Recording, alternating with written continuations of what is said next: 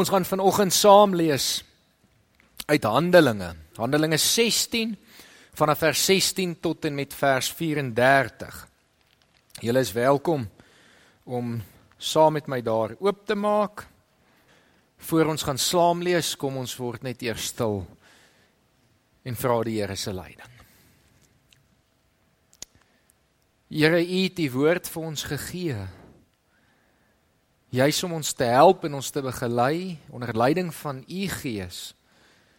Here sodat ons uit u woord kan weet wie u is en wat u wil is. En Here, vanoggend kom vra ons dat u dit net vir ons duidelik sal maak. Dat u deur u Gees met ons sal praat. In ons harte en ons gedagtes sal werk. En Here dat ons sal reageer op dit wat u wil hê. Amen. Handelinge 16 vanaf vers 16 tot vers 34. Terwyl ons eendag na die bidplek toe op pad was, het ons 'n slavin teëgekom in wie daar 'n waarsêersgees was. Deur waarsêery het sy vir haar eienaars baie geld verdien. Sy het agter Paulus en ons aangeloop en aanhoudend geskree: Hierdie mense is dienaars van God die Allerhoogste. Hulle vertel vir julle hoe julle gered kan word. Sy het dit baie dae na mekaar gedoen totdat Paulus dit nie langer kon hou nie. Hy het omgedraai en vir die Gees gesê: "Ek beveel jou in die naam van Jesus Christus, gaan uit haar uit." Die Gees het op daardie selfde oomblik uit haar uitgegaan. Toe haar eienaars sien dat sy nie meer geld vir hulle kan inbring nie, het hulle vir Paulus en Silas gegryp en hulle na die owerheid toe op die stadsplein gesleep. Hulle het hulle voor die stadsbestuur gebring en gesê: "Hierdie mense is Jode wat moeilikheid maak in ons stad. Hulle wil vir ons gebruike leer wat ons as Romeine nie kan aanvaar of navolg nie." Die skare het ook teen hulle gekant geraak. Die stadsbestuur het toe hulle klere van hulle laat afskeer en beveel dat hulle lyfstraf moet kry. Nadat hulle baie geslaan is, is hulle in die tronk gegooi en die bewaarder het opdrag gekry om hulle streng te bewaak. Op hierdie bevel het hy hulle in die binneste sel opgesluit en hulle voete in die houtblok vasgeklem. Teen middernag was Paulus en Silas besig om te bid en tot lof van God te sing. Die ander gevangenes het na hulle geluister. Skielik kom daar 'n groot aardbewing wat die fondamente van die tronk geskit het. Al die deure van die tronk het onmiddellik oopgegaan en al die gevangenes se boeye het losgeraak. Die bewaarder het wakker geskrik en toe hy die deure van die tronk sien oop staan, het hy sy swaard uitgetrek om homself om die lewe te bring, want hy het gedink die gevangenes het ontsnap. Maar Paulus het baie hard vir hom geskree: Moenie jouself doodmaak nie. Ons is nog almal hier. Toe die bewaarder 'n lig gevra, die sel ingestorm en bewend voor Paulus en Silas neergeval. Hy het hulle buitekant toe gevat en gevra: "Menere, wat moet ek doen om gered te word?" Hulle antwoord hom: "Glo in die Here Jesus en jy sal gered word, jy en jou huisgesin." Hulle het toe die woord van die Here aan hom en aan al die mense in sy huis verkondig. Op daardie uur van die nag het hy vir Paulus en Silas geneem en hulle wonde gewas. Hy en al sy mense is daar en dan gedoop. Toe bring hy hulle na sy huis toe en sit vir hulle ete voor. Hy en sy hele huisgesin was vol blydskap omdat hulle nou in God geglo het. Tot sover. Laasweek het ek gepreek oor wie ons aanbid. En ek hoop en vertrou dat in hierdie week elkeen van julle weer seker gemaak het dat dit Jesus Christus is, die ware enigste verlosser van elkeen van ons lewens. Vanoggend is dit dan tog nodig om die vraag te probeer beantwoord oor as ons God aanbid. Hoe doen ons dit? Hoe lyk 'n lewe van aanbidding teenoor Jesus Christus? En hierdie jaar is ons besig met ons jaartema van radikale kristendom. En as ons dit vir mekaar sê, dan eh, gaan vanoggend se manier van hoe ons God aanbid ook radikaal moet wees. Aan die een kant en dit is eintlik bietjie hartseer, is dit deesdae in ons samelewing in elk geval radikaal om God te aanbid. Want dit is nie meer die gegewe nie. Maar nogtans behoort die manier van hoe ons God aanbid ook radikaal te wees sodat dit vir mense vreemd is. En dat mense na ons kyk en sê, "Maar hier is iets anders." Hierdie manier van aanbidding kry ons nie in ander gelowe of plekke nie. Dat mense uiteindelik sal sê, "Harry Smit gemeente se mense aanbid God op so 'n wyse dat ons eintlik nie anders kan as om ook God te aanbid nie." En vanoggend gaan hierdie verhaal van Handelinge 16 ons help om te ontdek hoe radikaal ons aanbidding kan wees. As mens hierdie storie lees, dit dis 'n radikale storie van twee mans wat uiteindelik in die middel van die nag God deur gebed en sang aanbid. Dit nadat hulle seker een van die moeilikste dae van hulle lewe beleef het. Paulus en Silas is in Filippi saam met ander gelowiges. Hulle gaan daar rond, hulle verkondig die evangelie en hierdie vrou volg hulle. Ek dink mense kan simpatie met Paulus dat hy bietjie moeg geraak het. Dalk was dit net oor haar irriterende stem, mens weet nie. Maar na 'n paar dae is hy so moeg daarvoor dat hy besluit om 'n goeie daad te doen en hy verdryf die gees uit haar uit. Ongelukkig is die gevolge daarvan dat haar eienaars nie meer 'n inkomste kan hê nie en daarom is hulle kwaad vir Paulus en reël dan dat hy gevang word. En hulle word voor die stadsbestuur gebring. Die stadsbestuur hoor die klag teen hulle en as ons mooi luis gelees het, dan's die klag teen hulle nie dat hulle iemand gehelp het nie, nie dat hulle gees uitgedryf het nie. Die klag teen hulle is dat hulle Jode is. Nou word hulle aangekla op grond van hulle etnisiteit. En dan daarmee saam dat omdat hulle Jode is, hulle besig is om kwaad te stoot. Iets wat ongelukkig in Filippi as 'n gegewe beskou was. En daarom sonder dat die stadsbestuur eers vir Paulus of Silas geleentheid gee om hulle self te verdedig, sê hulle trek hulle kere uit en slaan hulle. Hierdie lyfstraf wat aan hulle toegedien word, is dieselfde lyfstraf wat Jesus gekry het toe hy gekruisig is en geslaan is. Die enigste verskil is dat in Jerusalem het die Joodse wet bepaal dat iemand nie meer as 39 keer geslaan kan word nie. Maar in Filippi wat 'n Romeinse stad was, was daar nie sulke wet nie.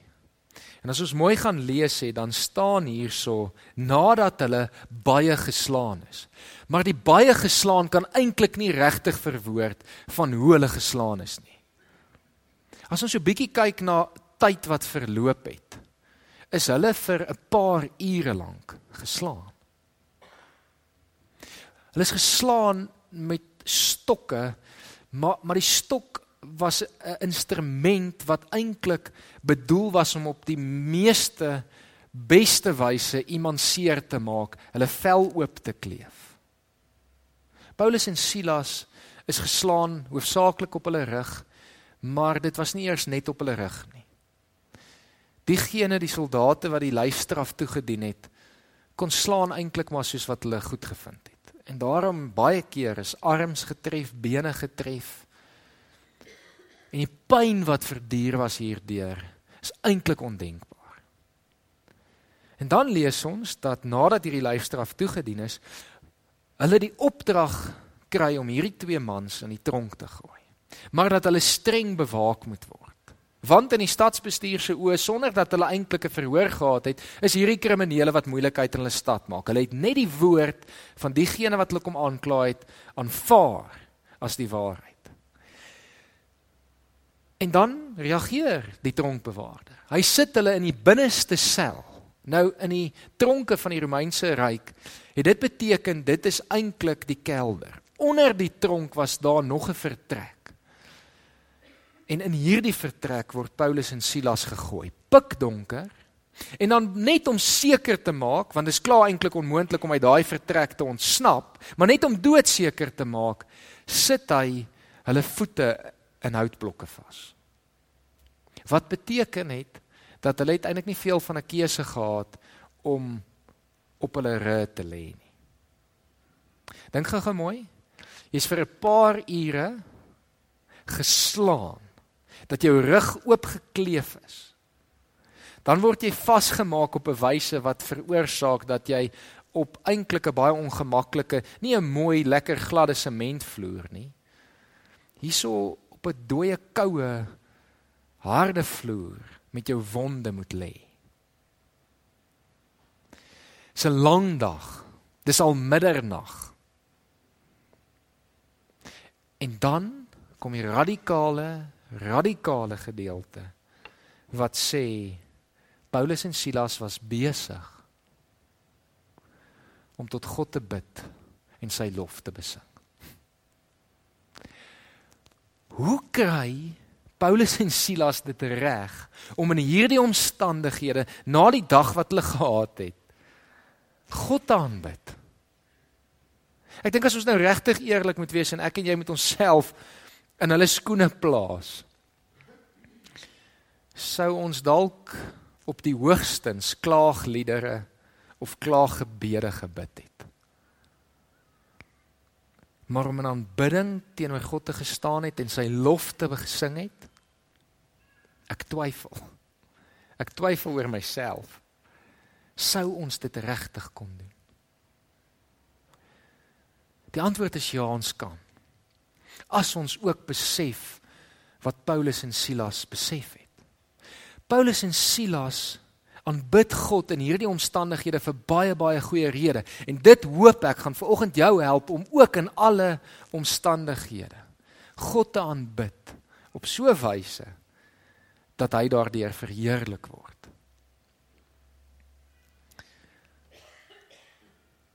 Ons kan maklik dink Paulus en Silas kon hier gevra het Here red ons. Here, hoekom red ons U ons nie? Here, ons was besig om die evangelie te bedien. Hoekom het ons hier beland? Hulle kan nie eers daarop antwoord. Dit is omdat ons die evangelie bedien het dat ons gestraf word nie. Miskien sou dit gehelp het. Hulle sit in daai omstandighede want hulle is Jode. Hulle is net die verkeerde etnisiteit, verkeerde kleur. Miskien kan ons vanoggend 'n bietjie daarmee vereensgewig wanneer ons ook deesdae op verskillende gronde onregverdig gediskrimineer teen word. Maar ek gaan nie vanoggend te veel daarby ingaan nie. Want ek hoop dat Paulus en Silas se antwoord jou kan help om verby hierdie dinge te kom om uiteindelik te kom by 'n lewe van aanbidding in alle omstandighede. Skielik lees ons So terwyl hulle besig was om liedere te sing en die res van die gevangenes te luister na hulle sang, is daar 'n aardbewing en hulle is vry. Hulle kies wel nie om uit te gaan nie en as die tronkbewaarder dit ontdek, dan besef hy net maar hier's iets baie groter. En dan vra hy die vraag wat ons eintlik sou verwag het Paulus en Silas moet vra. Hy vra vir hulle Wat moet ek doen om gered te word? Hy vra dit waarskynlik want hy het miskien gehoor en dit lees ons heel aan die begin dat die vrou wat heeltyd oor Paulus en Silas iets te sê gehad het gesê het hulle vertel vir julle hoe hulle gered kan word. Miskien het die tronkbewaarder dit gehoor en miskien het hy dit onthou en dan besef hy maar miskien moet hy regtig vir hierdie mense vra, hoe kan ek gered word? En dan kry ons Paulus en Silas se antwoord oor die rede hoekom hulle in die eerste plek nie gevra het hoe kan ek gered word nie, want hulle het al reeds die antwoord, maar eerder op daai antwoord besluit het om die Here in hierdie moeilike omstandighede te aanbid. Hulle antwoord: Glo in die Here Jesus. Glo in die Here Jesus.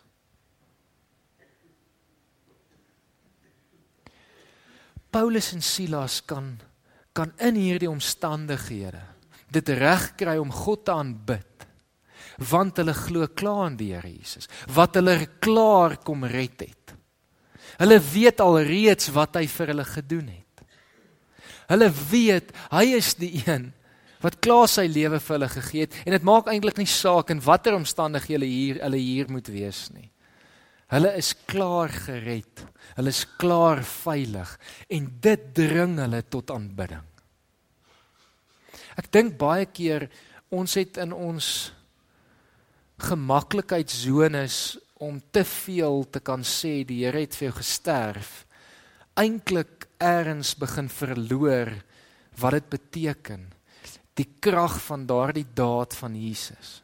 Ons staan nie meer in verwondering na 'n beeld van Jesus wat gekruisig is nie. En on, daarom dring dit ons nie meer soos wat dit Paulus en Silas gedring het tot aanbidding nie. Maar eintlik behoort dit. En ek hoop vanoggend jy besef net weer watter liefde Jesus openbaar het deur vir jou te sterf. Dat daardie liefdesdaad by jou 'n reaksie ontlok waar jy nie anders kan as om tot aanbidding oor te gaan nie. Afgesien van die omstandighede wat jy vandag moontlik mag beleef. Een van die moeilikste teologiese vrae is hoekom gebeur slegte goed? Hoekom gebeur daar dinge wat verkeerd loop? Baie mense het op grond van daardie vraag opgehou om die Here te aanbid.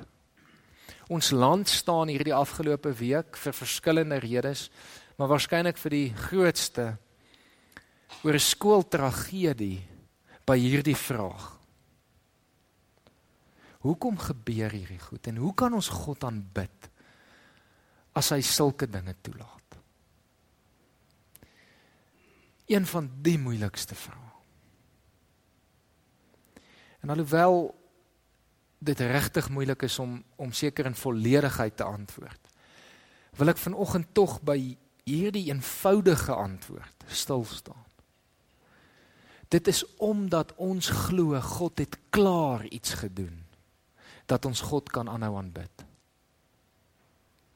Ja, God het nie hierdie tragedie gekeer nie. Daar's dalk op die oomblik dinge in jou lewe wat jy voel maar hy dit ook nie gekeer nie. Maar die antwoord is eintlik hy het klaar alles vir jou gedoen. Die dag toe hy aan die kruis gesterf het. Toe hy opgestaan het uit die dood uit. Die dood oorwin het. Ons kan God aanbid ten spyte van die dood want hy het die dood oorwin. Hy het seker gemaak dat niemand wat hier op aarde uiteindelik biologies tot sterwe kom vir ewig dood hoef te wees nie. Maar hy het seker gemaak dat ons saam met hom kan lewe vir ewigheid. Vir ewigheid. Daar was in die week het ek 'n boodskap onder andere oor hierdie stoekskool se tragedie ontvang wat probeer verduidelik en eintlik regverdig het dat God dit gebruik. Dat dat dat God op 'n manier dit bedoel omdat mense nou weer bymekaar uitkom en mense bietjie praat oor die dood.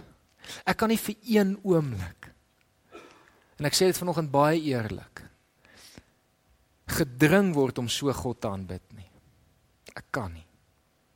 'n God wat wat die dood gebruik tot sy eie voordeel. Ek kan nie. Maar 'n God wat gesê het, weet jy, ek huil Ek treur en is my net so sleg as enigiemand doodgaan. Maak nie saak hoe dit gebeur nie. En dit is hoekom ek in die eerste plek self mens geword het en gesterf het sodat dit nie die einde moet wees nie. Dit is 'n God. Dit is 'n God wat ek wil aanbid. 'n God wat so lief is vir mense lewens dat hy sê dit kan nie verlore gaan nie dat hy sê ek sal liewer sterf as God voordat een van julle verlore moet gaan. Dit is 'n God wat ek wil aanbid. Ek wil tog uitkom vanoggend by die by die vraag, hoe lyk so aanbidding? Hoe kry ek en jy dit prakties van dag tot dag reg? En ons net net een manier hoe ek dit vanoggend regtig kan verduidelik en dit is aan die hand van twee metafore wat eintlik op dieselfde neerkom. En die eerste een is is die metafoor van verliefdheid. Van hierdie liefdesdaad van God wat jou dring om weer verlief te wees op hom in 'n baie eenvoudige manier as iemand vir jou blomme bring. 'n man vir 'n vrou blomme bring, dan sien jy 'n reaksie. Gewoonlik is dit 'n glimlag, baie keer 'n bietjie verleë. Jy sien 'n glinster in haar oë oor oor die liefdesdaad van van blomme wat vir haar gegee word. Hoeveel te meer behoort die reaksie nie by my en jou te wees as ons na die liefdesdaad van Jesus wat vir ons gesterf het kyk nie. Mense behoort dit in ons oë te sien in ons glimlag. Dit behoort uit te straal. Want 'n lewe van aanbidding is eintlik om op God verlief te wees.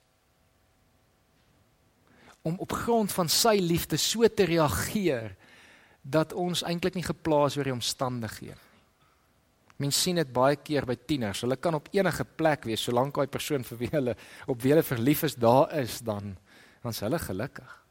En net so moet dit vir ons te wees. Maak nie saak wat ons omstandighede nie, want God is by ons in ons in hierdie omstandighede en sy liefde maak dat ons nog steeds kan glinster en kan glimlag. Die tweede metafoor wat al hoe meer vir my um, oopgebreek word en ek glo nog meer gaan en en vanoggend op 'n manier vir my nog bietjie nader selfs as if net verliefdheid kom. Is die metafoor van 'n pa. 'n Pa wat so lief is en omgee vir 'n kind dat die kind nie anders kan as om te reageer nie. En hoekom ek sê dit raak vir my al hoe meer oop is omdat ek onlangs 'n seentjie gekry het. Wat as ek op die oomblik in 'n vertrek instap dan word daar vir my gelag. Julle moet dit eintlik beleef. Julle het ook al, julle het julle eie kinders. Maar dit is so oulik. Dit is so mooi. Ek kan net daar instap.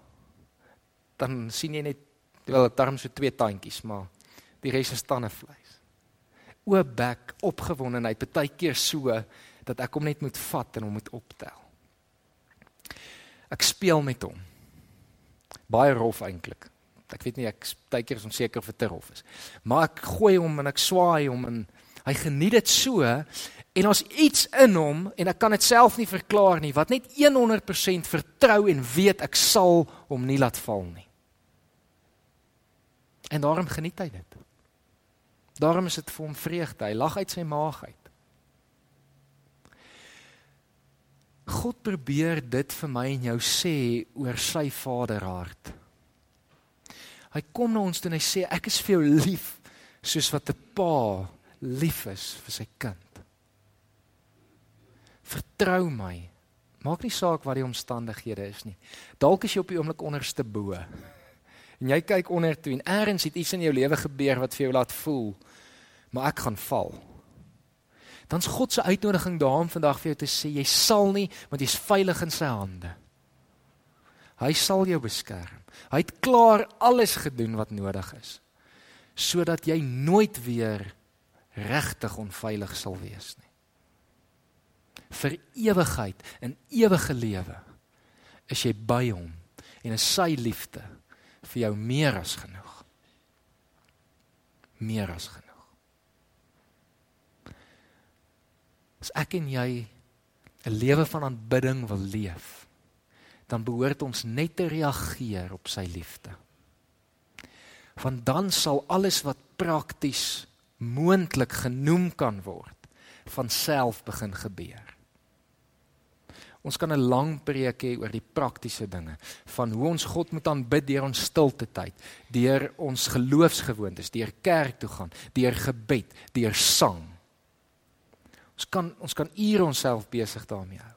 Maar ons gaan nog nie die praktyk regtig daarvan kan regkry as dit nie vanuit 'n reaksie op God se liefde is nie. Maar as jy reageer op hierdie liefde van God, dan gaan jy sing. En jy gaan dit op so 'n wyse doen dat dit aanbidding is want dit gaan uit jou binneste kom. Jy gaan begin bid in 'n diep afhanklikheid en dit gaan aanbidding wees. Jy gaan begin stilte tyd hou en dit gaan aanbidding wees. Jy gaan later begin stap en werk en selfs daardie dag tot dag take sal aanbidding wees as jy dit doen vanuit die liefde wat jy vir God het. radikaal om te dink ek kan skottelgoed was en skottelgoed was kan 'n manier van aanbidding wees want ek doen dit in gemeenskap en verhouding met God wat daar by my is en binne in my is. Radikaal om te dink jy kan in die pad ry, jy kan gaan golf speel, jy kan gaan stap, jy kan boer, jy kan stroop, jy kan plant. Alles as aksies van aanbidding. Want dit is die verhouding wat jy met God het. En dan om te hou, om te onthou. Jy kan dit geniet, net soos wat my seentjie dit geniet as ek kom rond en heen en weer swaai. Want alles is eintlik vir ons gegee uit God se hand. 'n Lewe van aanbidding. Kom ons gaan doen dit net. Kom ons gaan doen dit net. Moenie toelaat dat die omstandighede waarin jy nou vasgevang is en daarmee wil ek nie omstandighede afmaak of goedkoop maak nie. Ek weet daar's worstelinge. Maar moenie dat dit in die pad gaan staan van hierdie lewe van aanbidding wat God wil hê jy moet kan leef nie. Vertrou hom, gaan gee dit vanoggend vir hom. En onthou wat hy klaar vir jou gedoen het. Ons gaan dit vanoggend vier deur die nagmaal. Ons gaan hierdie liefdesdaad van God herdenk vanoggend soos wat hy ons beveel het om dit te doen deur die nagmaal saam te gebruik. Amen.